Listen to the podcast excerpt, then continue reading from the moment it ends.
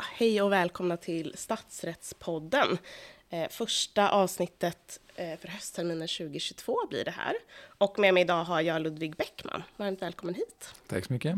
Eh, du och jag ska idag prata om eh, framförallt rösträtt och lite hur rösträtten har utvecklats i Sverige, men också tankar med liksom rösträtten i regeringsformen, hur kopplar statsrätten och demokratin kanske till, till rösträtten. Eh, dels så tänker jag att det här är aktuellt för att vi har ju ett val nu. Eh, om, nu ska jag försöka räkna i huvudet, tio dagar. Vi spelar in första september. Eh, och förra året så sa man ju att den allmänna lika rösträtten firade 100 år. Eh, ja, så jag tänker att det här är liksom ändå ett, ett aktuellt och kanske framförallt ett återkommande ämne. Eh, I alla fall vart fjärde år så eh, pratar vi om, om rösträtten. Men jag tänker att vi framförallt ska börja liksom introducera dig lite mer. Vem är du? Jo, jag är då professor i statsvetenskap här på Stockholms universitet, även knuten till Institutet för framtidsstudier. Och då forskare och lärare i statsvetenskap med inriktning mot demokratifrågor brukar jag lite brett och vagt säga när jag får den där frågan. Men jag kan naturligtvis precisera det lite grann om du vill. Och man kan väl säga så här, det, det, på senare tid så är det tre saker som jag håller på med mest. Och det ena är just det som du nämner här, rösträtten och hur den är reglerad, hur den mm. har sett ut historiskt, hur den ser ut i andra länder, vad som förklarar hur den har förändrats och så vidare. Eh, men en annan fråga som är, knyter an till den är liksom mer teoretisk och normativ egentligen. Det är vilka som bör utgöra mm. folket, eller demos är det uttryck som man använder ofta i demokratiforskningen. De som bestämmer i en demokratisk församling. Och då kan man prata om det mer generellt. Alltså, normalt sett pratar vi om stater, men man kan ju prata om demokrati på alla möjliga olika nivåer. Mm. Vilka är demos, eller vilka borde vara demos i en demokratisk sammanslutning. Det är en fråga som jag ägnat mig mycket åt. Mm. Och sen kan man väl säga bara, man ska lägga till att en tredje fråga som jag också varit intresserad av på senare år är folksuveräniteten och eh, idéer om hur den, den principen ska förstås, hur den förhåller sig till demokratin och mm. hur den kommer till uttryck i olika grundlagsdokument, till exempel det svenska. Som också då kopplar till vilka folket är i demos kanske? Exakt. Eh, men spännande, jag tänker just det här Eh, den normativa delen, alltså hur man tänker att det bör vara liksom, framöver. Eh, det kanske är någonting som vi kan komma in och eh, kanske inte alltid ge tydliga svar på, men i alla fall diskutera lite senare. Mm. Vi hade din kollega med för några avsnitt sen, Jan Torell, Jaja. som pratade, och då pratade vi om regeringsbildning framför allt, och då pratade vi lite om du och jag pratade om innan, statsrätt och statsvetenskap, hur kopplar det ihop och sådär. Och då tänker jag ju såklart som jurist, liksom, hur, mycket, hur mycket juridik funderar du på i ditt arbete som statsvetare? Ja, när du ställer den frågan så måste jag bara en reflektion kring mitt ämne till att börja med, alltså statsvetenskap. Jag menar, för, hade du ställt den här frågan för hundra år sedan, mm. om vi hade haft den här podden 1922 istället för 2022, alltså då hade, då hade den frågan varit lite obegriplig, för då hade liksom juridik och statsvetenskap var så nära sammanflätat på den tiden. Mm. Jag menar, första läraren i statskunskap här på Stockholms högskola, som det hette på den tiden, var professor i statsrätt vid juridiska fakulteten. Så att det var liksom samma ämne i stort sett. Och de flesta statsvetarna som höll på, var, höll på väldigt mycket med just juridiska studier. Men ofta kanske med ett historiskt eller mer kontextuellt liksom, synsätt. Men, ja. men det var ändå juridik i grund och botten.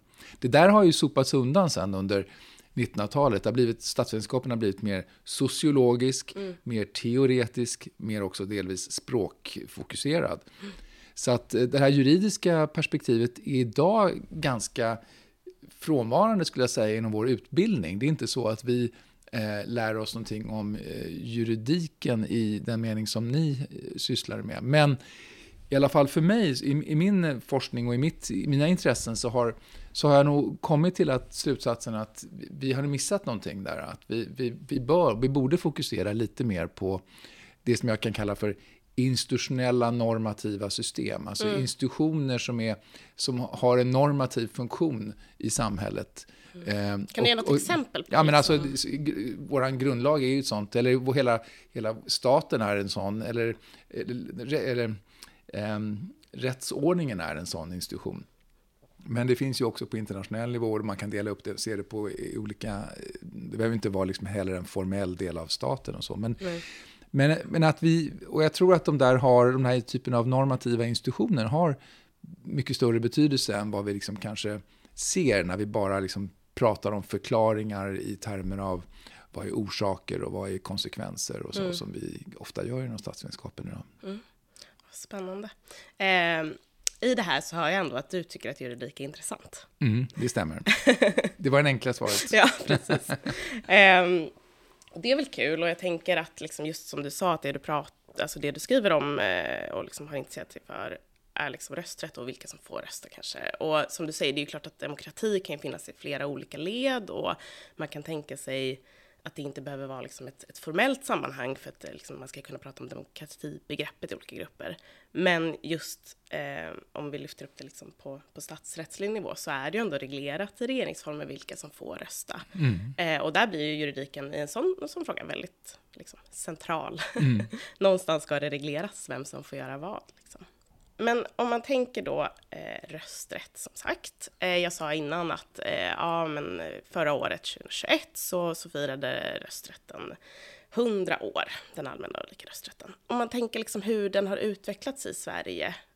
Skulle du kunna liksom berätta lite? Mm. Nu sa jag ett årtal här, men, men innan ja. det kanske och kanske efter det har vi liksom idag. Skulle du säga att vi har allmän och lika rösträtt till exempel? Vi har väl i stort sett allmän rösträtt och vi har definitivt lika rösträtt. Alltså lika i den meningen att alla röster, ingen har fler än en röst. För så var det alltså inte fallet före 1921, att vi alla hade en röst. Mm. Utan just i de kommunala valen så hade man då man fick ett antal röster beroende på hur mycket skatt man betalade. Mm. Och eh, det hade man då reglerat 1900 och begränsat lite grann så att man kunde inte ha mer än 20 röster om man betalade mycket skatt. Men, men intressant nog före 1920 eh, och då tillbaks till mitten på 1800-talet så fanns det ingen begränsning av antalet röster som du fick beroende på hur mycket skatt du betalade. Mm. Så du kunde ha i en liten, i ett valdistrikt så kunde du alltså ha 100 000 röster om du var en förmögen person och betalade mycket skatt. Mm. Och det kunde göra att en person, eller som också var fallet, ett företag, därför att företag hade ju också, betalade också skatt och mm, hade därför också, också rösträtt, mm. eh, kunde alltså ha, avgöra hela utgången av valet i ett, i ett lokalt val ja. i Sverige. Och jag måste bara säga att det där att företag hade rösträtt i Sverige, det är en typ av inslag i den svenska politiska historien som jag aldrig har sett i något annat land. Nej. Så jag undrar om inte vi är lite unika här, på ett i och för sig dåligt sätt skulle jag säga också, men, men ett intressant sätt samtidigt. Ja. Men hur kom det sig då att företag hade rösträtt? Var det liksom skatt, var det skattfrågan som gjorde Ja, det var en skattfråga. Och jag, jag har, det finns en avhandling om det där från 1974. Det tror jag är den enda som har skrivit om det här. Mellqvist mm. heter han. Men, och jag, jag, tror att hans resonemang är liksom lite grann att man förutsåg inte att det här med för... Det här är på 1860-talet man konstruerade de här reglerna. Mm. Och man förutsåg inte att det här med aktiebolag som betalade skatt skulle vara en stor grej. det fanns inte så mycket bolag. Det här är ju lite Få i begynnelsen bolag. av industrialiseringen och så. Va? Men mm. sen kom det ju mer och mer företag och de fick större och större mm. betydelse. SE-banken hade alltså 10% av rösterna i Stockholms lokala val exempelvis. Mm.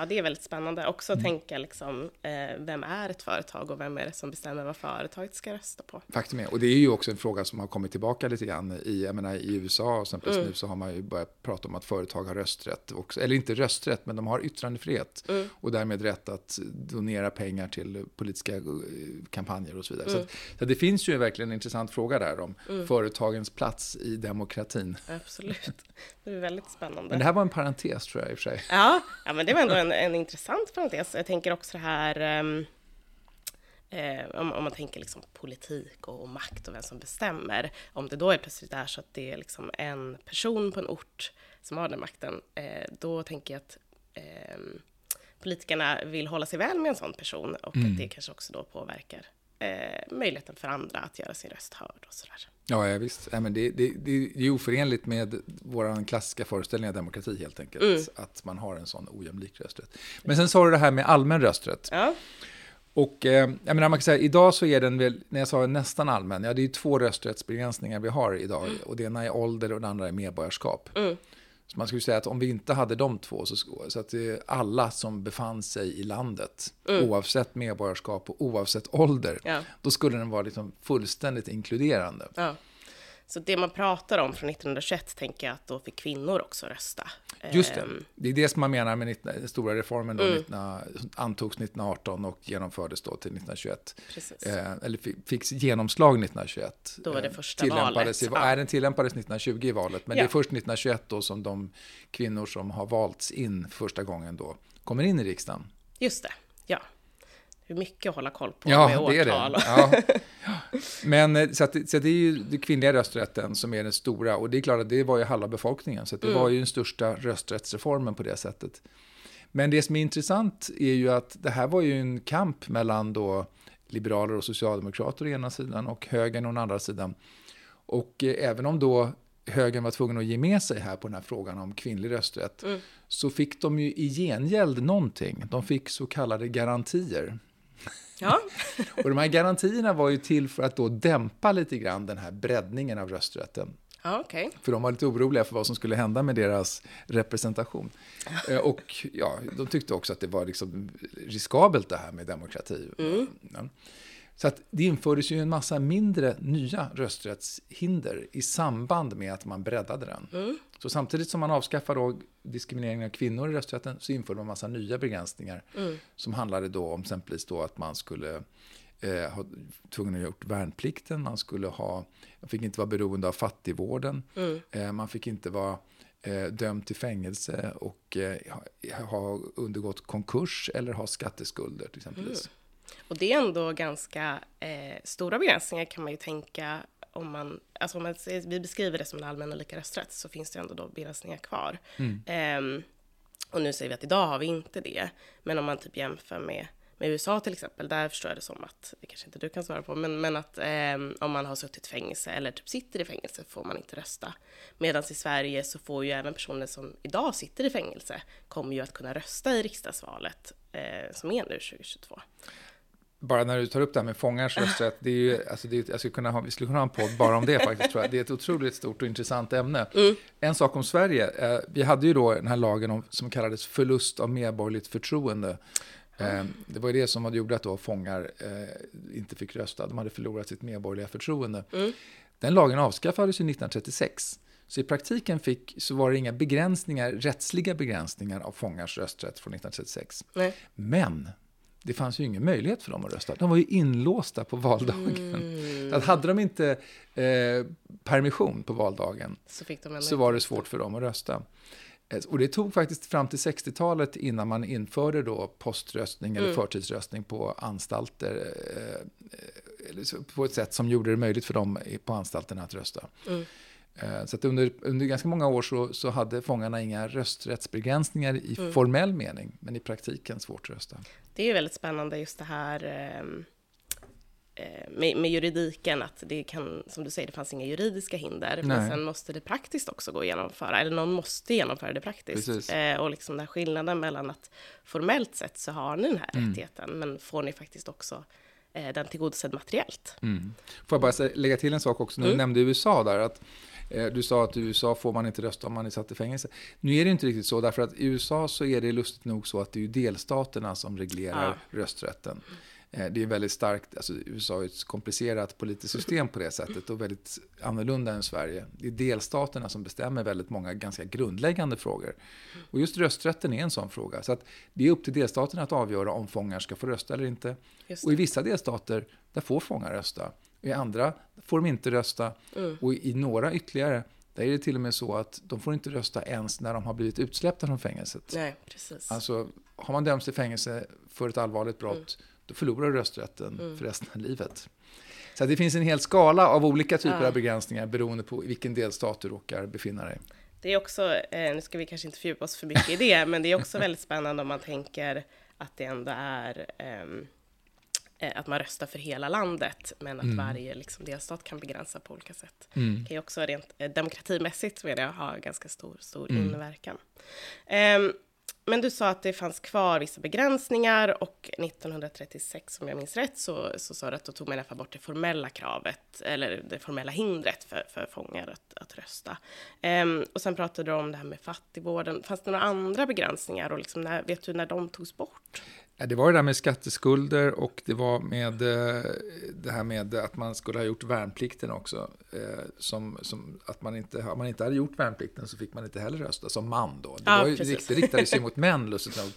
Eh, Men sen fanns det ju, jag ska bara nämna också, det fanns ju ett ytterligare rösträttshinder som skärptes i samband med att vi gjorde rösträtten mer demokratisk, Mm. intressant nog. Och jag menar, den första reformen är ju redan 1907-1909 när vi då inför allmän manlig rösträtt. Ja. Alltså vi tar bort de här inkomst och egendomskraven. Mm.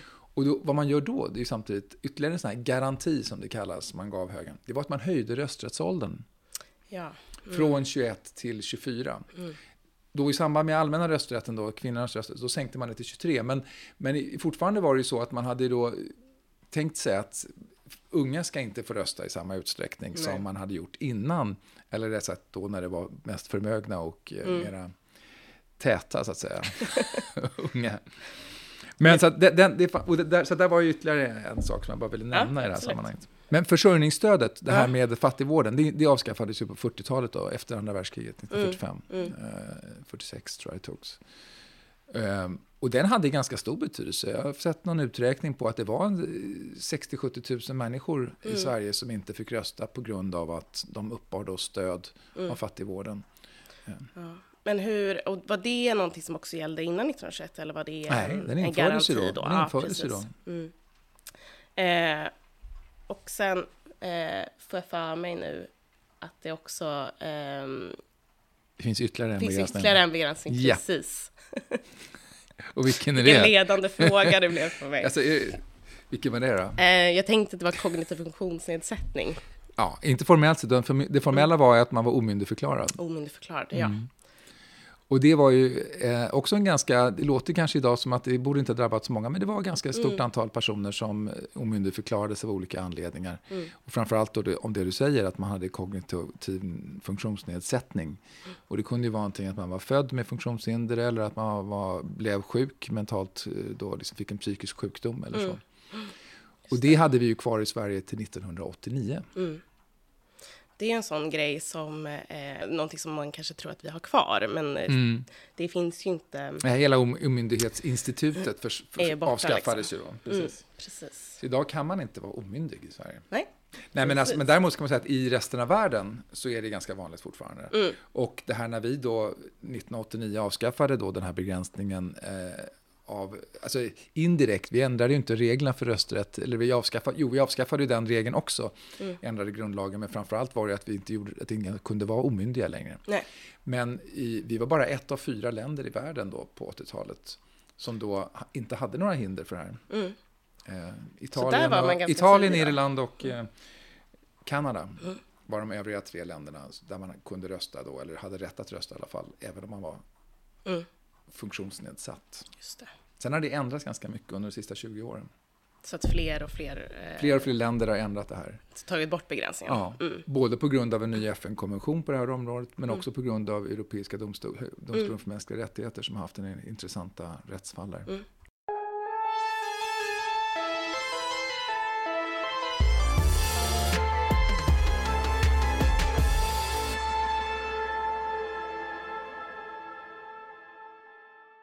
Nu har vi pratat om Mm. eh, liksom historisk utveckling. Vad har hänt i Sverige? Lite. Vi har fått, eh, ja, vi har fått väldigt mycket liksom, spännande bakgrundshistorier om eh, andra länder och liksom, har Sverige varit Mm. Jag kan ge mer också. Nej, okej. Ja, nej, men om det är någonting du tycker att eh, vi bör ha med så absolut. Annars kommer jag fråga om andra Okej, saker. okej, gör det då. Ehm, nej men, eh, vi pratade om rösträtt och nu har vi pratat om hur rösträtten har utvecklats. Eh, och du nämnde mm, att idag finns, liksom, ja men den är nästan, den är lika, alla har liksom en röst, varje persons röst är lika mycket värd. Men den är inte helt allmän, för vi har fortfarande två begränsningar. Det ena är, eh, och nu pratar vi om, om val till riksdagen, det ska vi också kanske eh, säga. Eh, Ja, Men där just det. finns det två begränsningar. Och det ena är att man måste vara över 18, alltså barn får inte lov att rösta. Och det andra är att man måste vara svensk medborgare. Mm. Och det regleras då, om vi ska liksom prata om regeringsformen, i tredje kapitlet och i, i fjärde paragrafen så står det här. Och då kan vi också nämna att eh, på kommun och, och regional, regional nivå så är det ju eh, inte ett medborgarskapskrav, men, men andra typer av krav. Nej, det regleras ju kommunallagen, intressant nog. Ja. Um, vilket är intressant att rösträtten då ligger i en vanlig lag på Ja. det sättet när det gäller kommunala och regionala val. Precis, Vilket man- innebär att det också är mycket lättare att ändra. Mm. Eller i princip också skulle man ju kunna säga, om man vill vara lite eh, apokalyptisk, man skulle kunna avskaffa den väldigt enkelt Mm. också. Precis, och det är ju så, har man ju tänkt med liksom, eh, att det finns just regeringsformen är ju för att det ska vara, eh, om man tänker till riksdagsvalet, är ju för att det ska vara svårare att ändra och också ett sätt att liksom garantera eh, rösträtten och som ett, som ett eh, skydd för demokratin. Mm. Eh, men då är det ju återigen demokrati för vissa personer. Liksom. Mm. Eh, men det är de två begränsningarna som finns. Och en sak som jag har tänkt lite på, som jag tänker mig att du också har tänkt på, är att om man liksom kollar på regeringsformen så är det första som sägs är att offentlig makt utgår från folket. All också, offentlig makt. All offentlig makt. Och då har vi också liksom, eh, eh, folksuveräniteten. Det är folket som har makten, så tänker vi oss. Eh, I Sverige vi har liksom en funktionsfördelning och det är inte så att vi har någon eh, makt hos respektive organ, utan den är liksom utlånad från folket. Eh, och då kan man ju tänka, varför används begreppet folket i första paragrafen? Men sen när vi kommer ner till rösträtten i tredje kapitlet, då är det medborgarskapskrav som då inte är samma begrepp. Vad tänker du om det? Är folket medborgare? Nej, men det är precis detta som är en av de stora liksom, och eviga frågorna kan man säga inom demokratiteorin. Så att Mm. säga. Så, en de- den del av statsvetenskapen jag håller på med. Hur ska man förstå det där med folket? Vilka är det som, var någonstans bör makten utgå, från vilken grupp bör makten utgå i en demokrati? Och jag menar, medborgarskap är ju den vanliga tanken. Det är ju den som alla länder i världen faktiskt använder sig av. De pratar om medborgare. Och Man kan säga att den går ju tillbaka till eh, franska revolutionen där man pratade just om citoyen, alltså medborgarna.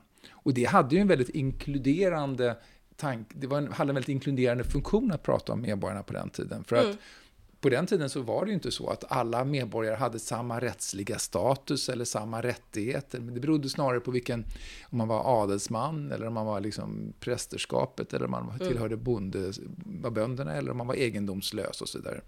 Så att prata om medborgare, det var ju liksom också ett traditionellt sätt att, liksom att verkligen se till att alla som bodde i landet, tänkte man, skulle få komma med. Räknades? Ja. Men sen är det bara det att sen har det där förändrats. Eh, idag så är det inte längre så att vi har de här nationalstaterna på samma sätt som man hade på 1700-talet. Där det bara är medborgare som bor. Utan folk flyttar ut från länder och folk flyttar in i länder. Va? Så många svenskar exempelvis bor ju utomlands idag. Och, eh, men de har ju fortfarande rösträtt då i svenska val. Eh, och, de, och de kan ha det hela livet. De kan, Man kan bo i England eller i, i eh, Kina eller i Sydamerika och rösta i svenska riksdagsval resten av sitt liv. Mm. Och då är det klart, då kan man börja fråga så här, vänta nu, varför ska medborgare som bor utomlands till exempel, ska de, vad är skälet till att de, Mm. i de, vad är det demokratiska skälet till att de ska ha inflytande? Tillhör de fortfarande folket i den relevanta meningen? Mm. Liksom då de som har flyttat till Sverige, som då bor här och inte är medborgare i Sverige. Men som ändå måste följa de svenska lagarna och är underställda liksom den svenska rättsordningen. Varför tillhör inte de folket då? För man tänker att eh, makten då, där kan man också prata om liksom, eh, koppling mellan, mellan makt och rösträtt, men om man i alla fall tänker sig att, eh, så som det beskrivs då, att, att makten utgår från folket, och eh, sen har vi en rösträtt som egentligen då blir det sättet man kan realisera sin makt på. Eh, och precis som du säger är det då intressant att då har vi personer som inte bor i Sverige, eh, som eh, får lov att liksom påverka den typen av makt. Och så har vi personer som bor här som inte får lov att göra det. Ehm, att det är liksom, vad, vad tänker man att rösträtten är till för? Är det inte för att just liksom hantera det som sker i landet där man bor, till exempel? Jo, men det är just detta som då man är lite oenig om inom just eh, bland demokratiforskare på den här punkten. En del menar ju då att det, det som lite grann är i linje med vad du säger, att det handlar om just, alltså demokrati handlar om in, alltså makt över en rättsordning, makt över de offentliga organen.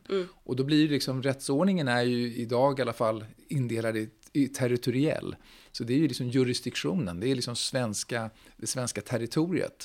Och då borde det ju vara så som du antyder där, att det är de som bor i landet som tillhör folket, och det som är det demok- demokratiskt relevanta folket, och de som, de som inte bor i landet är inte tillhör folket. Men det finns ju en annan uppfattning där, och det är att det snarare handlar om vilka som påverkas av besluten. Alltså, och påverkan är ju ett mycket vagare Mm, begrepp än att vara underställd liksom, en rättsordning. Det finns ju många som påverkas av beslut som inte bor i Sverige.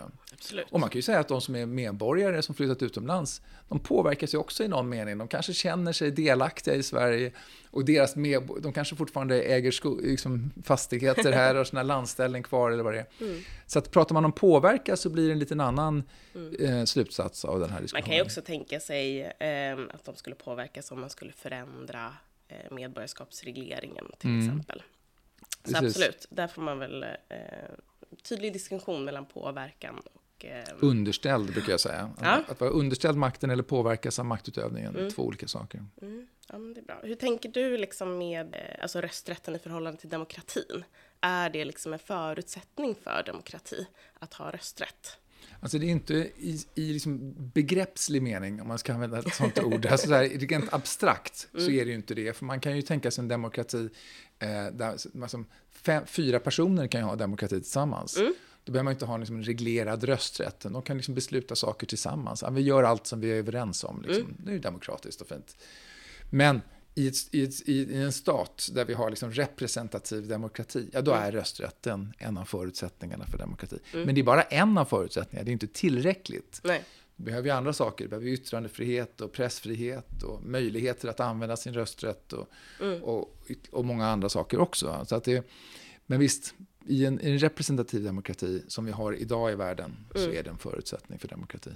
För annars kan jag tänka mig att man skulle också kunna ha eh, påverkan på maktutövningen utan rösträtt. Ja, alltså det är klart att vilka som kan påverka maktutövningen är ju inte helt e- enbart de som har rösträtt. Så är det ju aldrig. Liksom. Utan dels finns det ju lobbying och såna här saker som man kanske är lite oroad över. Men, men det är klart att vi har också som medborgare exempelvis kan vi ju påverka på massa andra sätt. Vi kan ju påverka genom opinionsbildning exempelvis. Eh, delta i demonstrationer eller skriva insändare eller vad det nu är för någonting. Och sen finns det ju möjlighet, och det är inte heller begränsat till de som har rösträtt. Jag menar, jag kan ju delta i den politiska debatten i Tyskland eller i England eller så vidare. Så att det finns, när det gäller liksom att, att ha ett inflytande över de, den diskussion som i sin tur påverkar det politiska beslutsfattandet, så är, finns det ju egentligen inga formella begränsningar, så kan man ju säga. Eh, eller det, det, det finns vissa, men det, de är inte, de är inte helt, är inte helt omöjligt att ha det. Så att jag menar, när man pratar om var, varför är rösträtten så viktig? Jo, det är för att man har just den här formella avgörandet, inte bara ett inflytande. Precis. Och när man har det här avgörandet kan man ju säga att då är då man har makt först. Va? Mm. Alltså att jag kan påverka hur du tänker genom att prata nu. Ja, då kanske får inflytande över dig, men jag har ju inte makt över dig nu. Nej. Det är först när jag liksom kan rösta och säga att ja, men det är bara du som får företräda mig i den här församlingen. Då har jag makt. Ja. Så att man kan säga att rösträtten är ju liksom en maktresurs. Till skillnad från det här med opinionsbildning som är ett Precis. ett Som instrument skulle för kunna få inflytande. ett maktresultat, men inte liksom eh, en faktiskt makt-makt. Det är ett nytt bra begrepp tycker jag. Ja.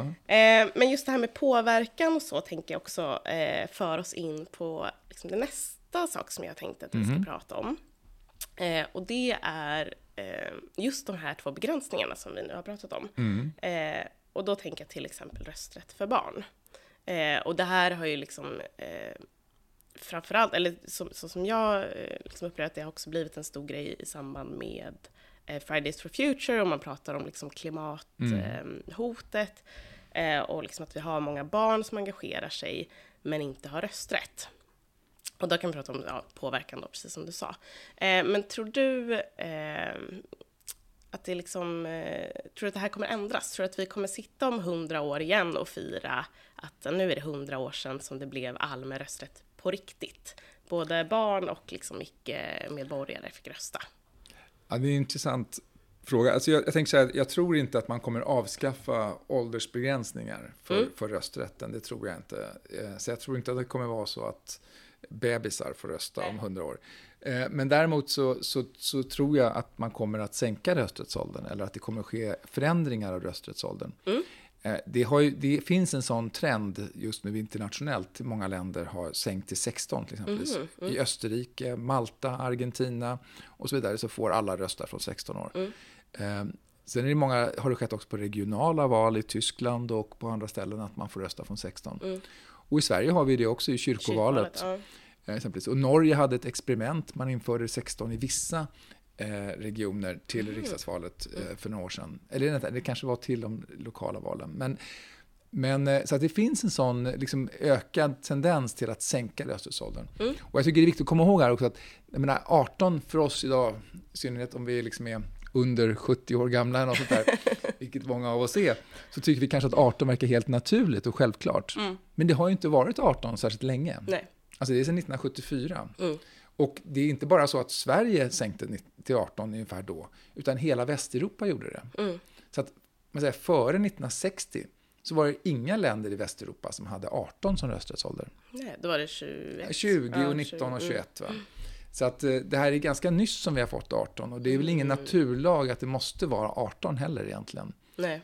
Och jag menar, så att, och det, men då kan man säga så här, va- varför, varför sänker man rösträttsåldern? Vad är det som förklarar att man gör det? Och det jag kan säga att det finns två saker som jag tror spelar roll. Det ena Mm. är ju den allmänna utbildningsnivån och så vidare. Och det är klart att den ökar ju faktiskt. Mm.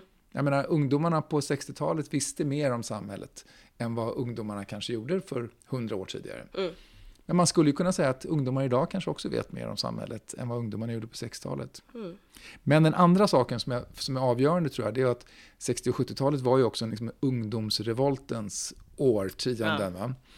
Alltså ungdomar var väldigt politiskt aktiva och engagerade och var liksom en del av en förändring. Det var en väldigt omvälvande tid, 60 och 70-talet. Mm. Och jag tror att det där är väldigt avgörande om det ska bli en förändring. Att ungdomarna själva på något sätt är en del av en rörelse som vill förändra samhället. Mm.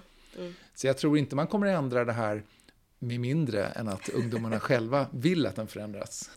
Ehm, nej, men så kan man väl också säga historiskt sett att det har varit, det har ju krävts att liksom gruppen, självklart med hjälp av personer som då har privilegiet redan kanske, så att jag tror kanske att ungdomar då också skulle behöva vuxnas eh, stöd och Mm. liksom hjälp i det. Men det är ju också så många av de här förändringarna har skett, tänker jag mig, Mm. att liksom den gruppen som har blivit marginaliserad eller som har fått begränsningar på något sätt Mm. eh, har liksom organiserat sig och också fått stöd och hjälp kanske att, att driva för en förändring. Mm.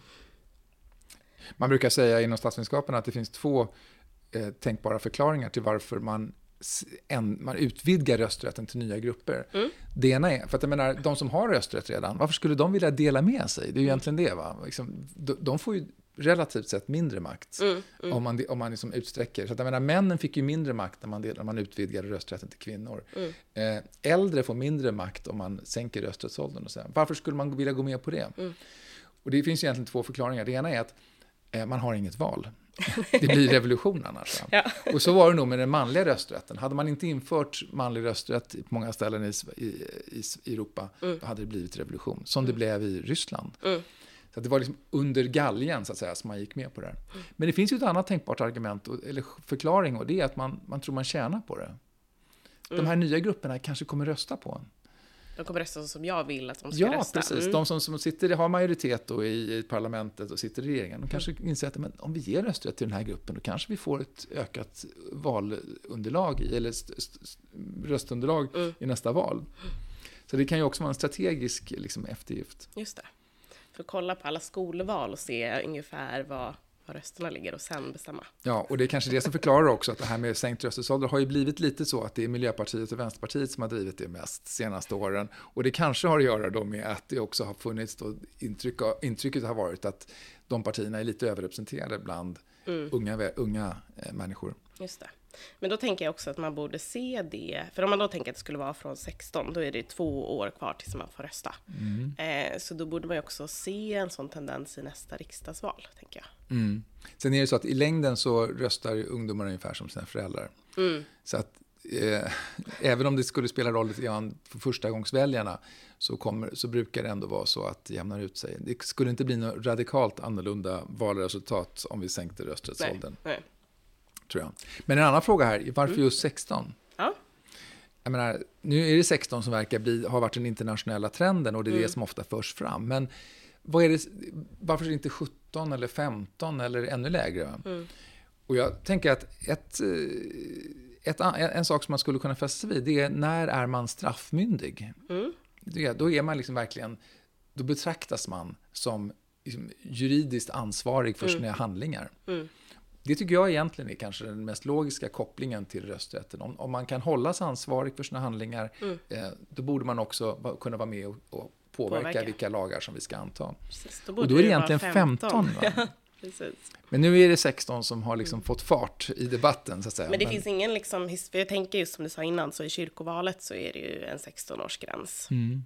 Eh, vart kommer den ifrån? När infördes det? För jag tänker om det är någonting som man tänker påverkar eh, tanken att det ska vara 16 år. Nej, jag, kan, jag kan faktiskt inte säga var de fick det ifrån Nej. när de införde det. Utan, men jag tror bara att det har varit så att internationellt sett så har det, Ja. många andra länder har gjort det till 16. Eh, Jag känner inte till något land som har 15. Jag, möjligen har jag för mig att Iran hade 15. Mm. Men de tillhör också ett av de få exemplen på där man har höjt rösträttsåldern. Mm. Så där höjde man från 15 till, Till. till. 18 sen, eh, för bara 2007 tror jag. Mm. Mm. Det är väldigt ovanligt att man höjer rösträttsåldern, men det finns ju sådana exempel. Det var intressant. För att just, ja, eh, som du säger, så tänker jag att ehm, 18-årsåldern, eh, liksom rent juridiskt, så betraktas man ju då inte längre som ett barn. Nej. Vilket då också kanske leder till att okej, men då är du myndig, eh, liksom om man använder det begreppet. Och då ehm, har du inte längre en vårdnadshavare, utan du Just får liksom bestämma själv. Men ehm, då är ändå det naturliga andra steget, precis som du säger, att det skulle vara 15, för då Mm. är du straffmyndig. Liksom. Det här var ju ett problem då på 60-talet när man då sänkte rösträttsåldern först då till 20 och sen till 19 och till slut till 18. Det var ju tre, man gjorde det där väldigt stegvis från Mm. 21 som det hade varit tidigare. Då var ju problemet att myndighetsåldern var 21. Ja, Och det var ju så att menar, Socialdemokraterna som exempelvis då satt ju i regeringsställning under, från 30-talet till 70-talet. Så att de var, hade ju varit tidigt för det här med att sänka rösträttsåldern från 23 och 24 som de då var i början av 1900-talet.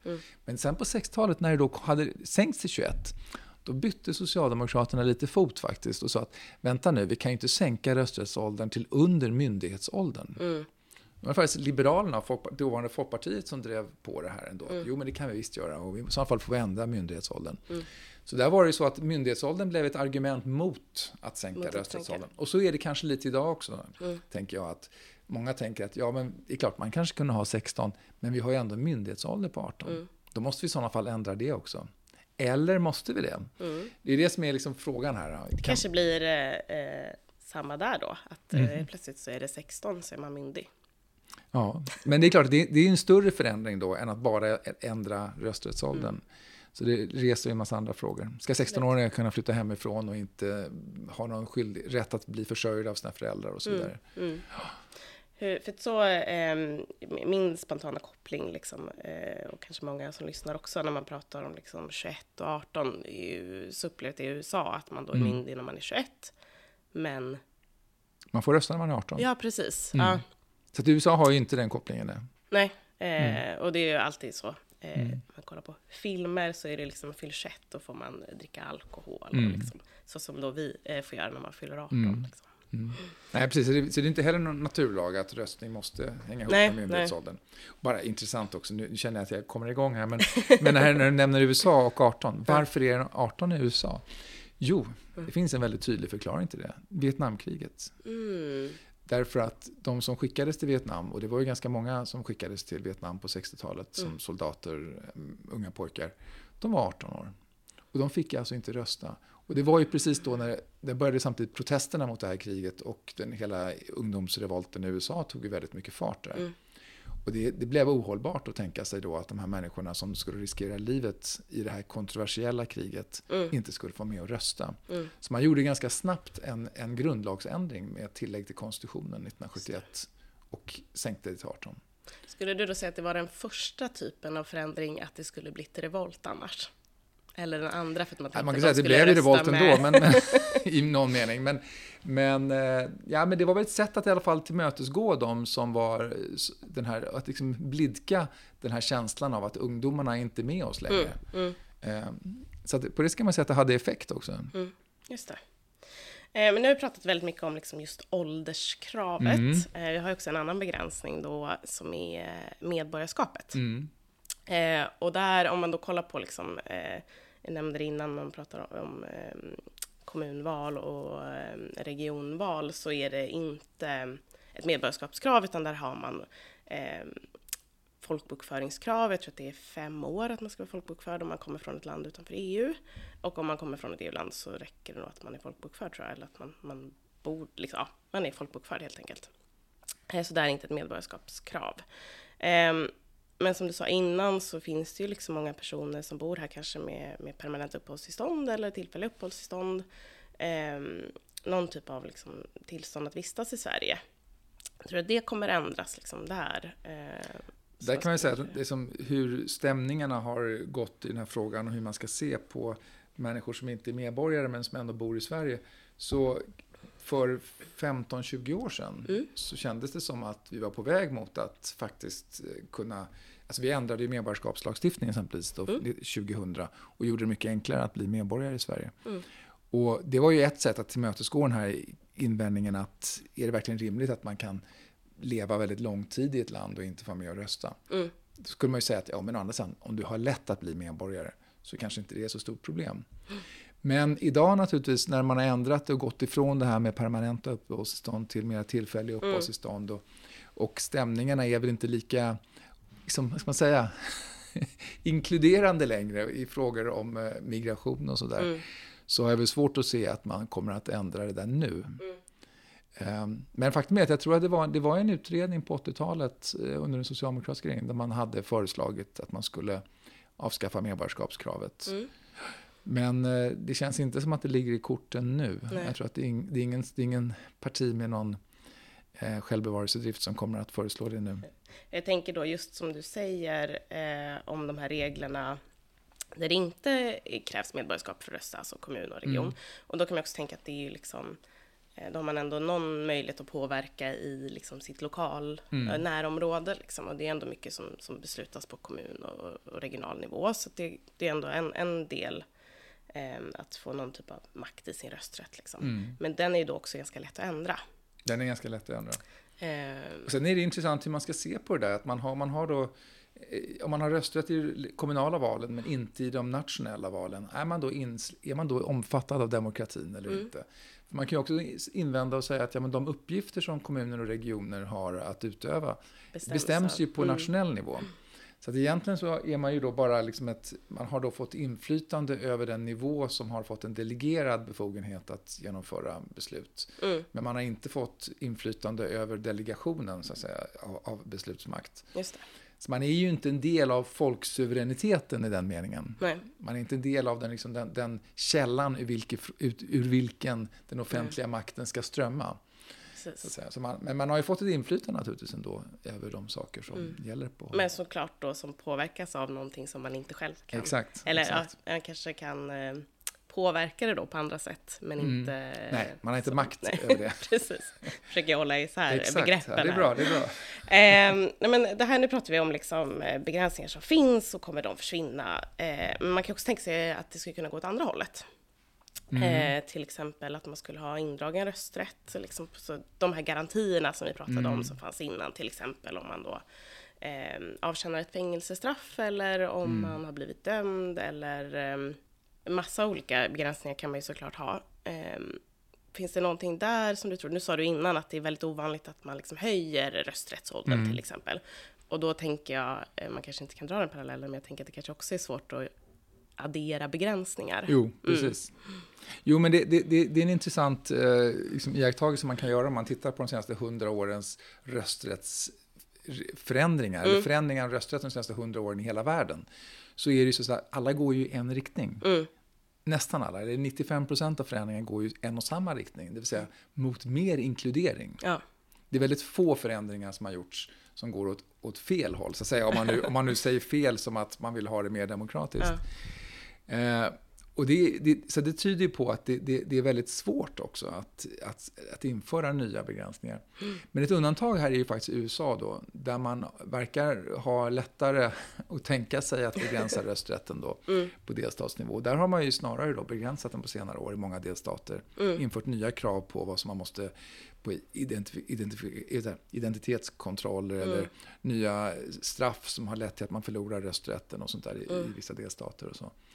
Men i Sverige så har jag ju svårt att se egentligen några större förändringar mm. i dagsläget som skulle kunna motiveras och som skulle kunna få ett stöd. Men, det, mm. men vi lever ju i en tid när demokratin är satt under ganska stor press mm. i, i, många länder. Så att det är inte omöjligt, tyvärr. Det är väl också det om man tänker liksom en, eh, en syn på demokrati är väl också att den ska kunna tas bort. Liksom. Ja, det är klart att det, det finns en intressant liksom, principiell fråga här. Har folket då, som har makten, har de rätt också att liksom, mm. avsäga sig makten eller begränsa vilka som ska få vara del av maktutövningen? Mm. Mm. Alltså, om man har all makt, så är det klart, då borde man ju ha det också. Ja, precis. um, men för jag tänker mig just där, och det var lite det jag um, reagerade på förut när du nämnde det liksom med delstatsnivån i USA. Um, och precis som vi pratade om, att man skulle kunna liksom ta bort begränsningar för att man tänker sig att eh, ja, men ungdomar till exempel kommer rösta som jag vill att de ska rösta eller de kommer rösta på mig. Så tänker jag också att man kan införa begränsningar åt andra hållet för att ja, de kommer inte rösta på mm. mig.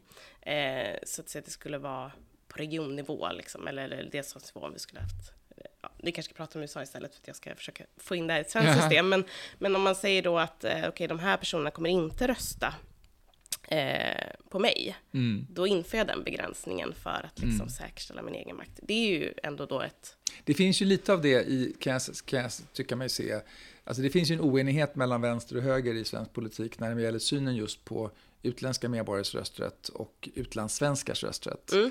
Och jag tror att den härrör lite grann från 80-talet, där det var liksom då att många av de flyktingar som hade flyttat till Sverige, från exempel Sydamerika, mm. var lite mer vänsterorienterade.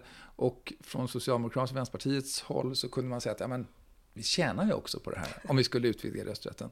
Medan de som typiska utlandssvenskar, på 80-talet åtminstone, var kanske personer som hade flyttat utomlands på grund av de höga skatterna i Sverige och så. Mm. Typiska högerväljare. Så att det där hade liksom då högern ett intresse av att utsträcka rösträtten till utlandssvenskar och vänstern ett intresse av att utsträcka rösträtten till icke-medborgare i landet. Mm. Eh, nu slutade ju detta med då att man, man utvidgade rösträtten till utlandssvenskar men inte till eh, utländska medborgare. Mm. Men så på det sättet så har ju den här logiken som du antyder här har ju förekommit då. Man kan ändå se lite eh, att den har präglat mm. vissa val kanske. Ja. Mm.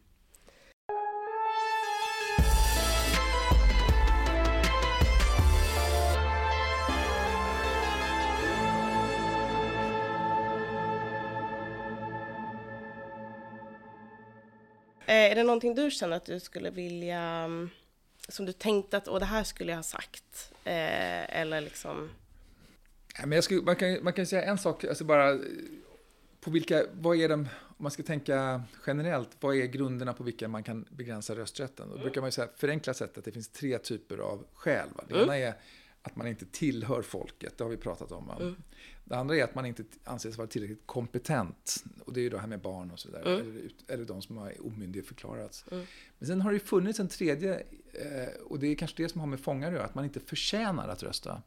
Just det, det är eh, som man hade tappat med, vad sa du? Ja, medborgerligt förtroende, eller förlust av mm. medborgerligt förtroende. Alltså man, man liksom, ja, men okej, du kanske är kompetent, du kanske är en del av folket, men du förtjänar faktiskt Nej. inte att rösta.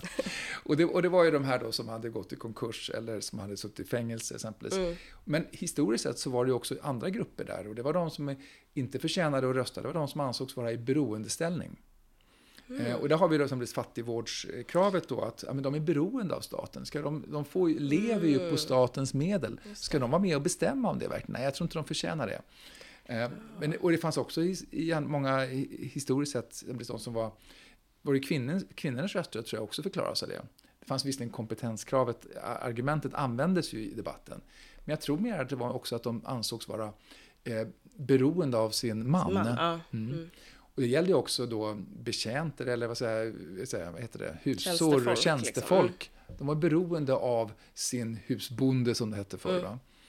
Så att den här beroendeställningen var ju väldigt viktigt också i den gamla argumentationen kring varför man inte skulle ha rösträtt för vissa grupper. Ja, spännande att ha mm. eh, Ja. Och det finns kvar i vissa länder i den meningen att till exempel militärer har inte rösträtt i alla länder. Eh, och i en del sydamerikanska länder exempelvis är det så. Och det kan ju också ha historiska skäl med tanke på att militärerna inte alltid varit pålitliga. Men, men det är också att offentliganställda exempelvis, i vissa, har, har historiskt sett ibland inte haft rösträtt i vissa länder. Alltså är du anställd av staten så ska du inte vara med och bestämma om staten. Men är det också som att säga att det är en beroendeställning eller är det för att man är i någonting?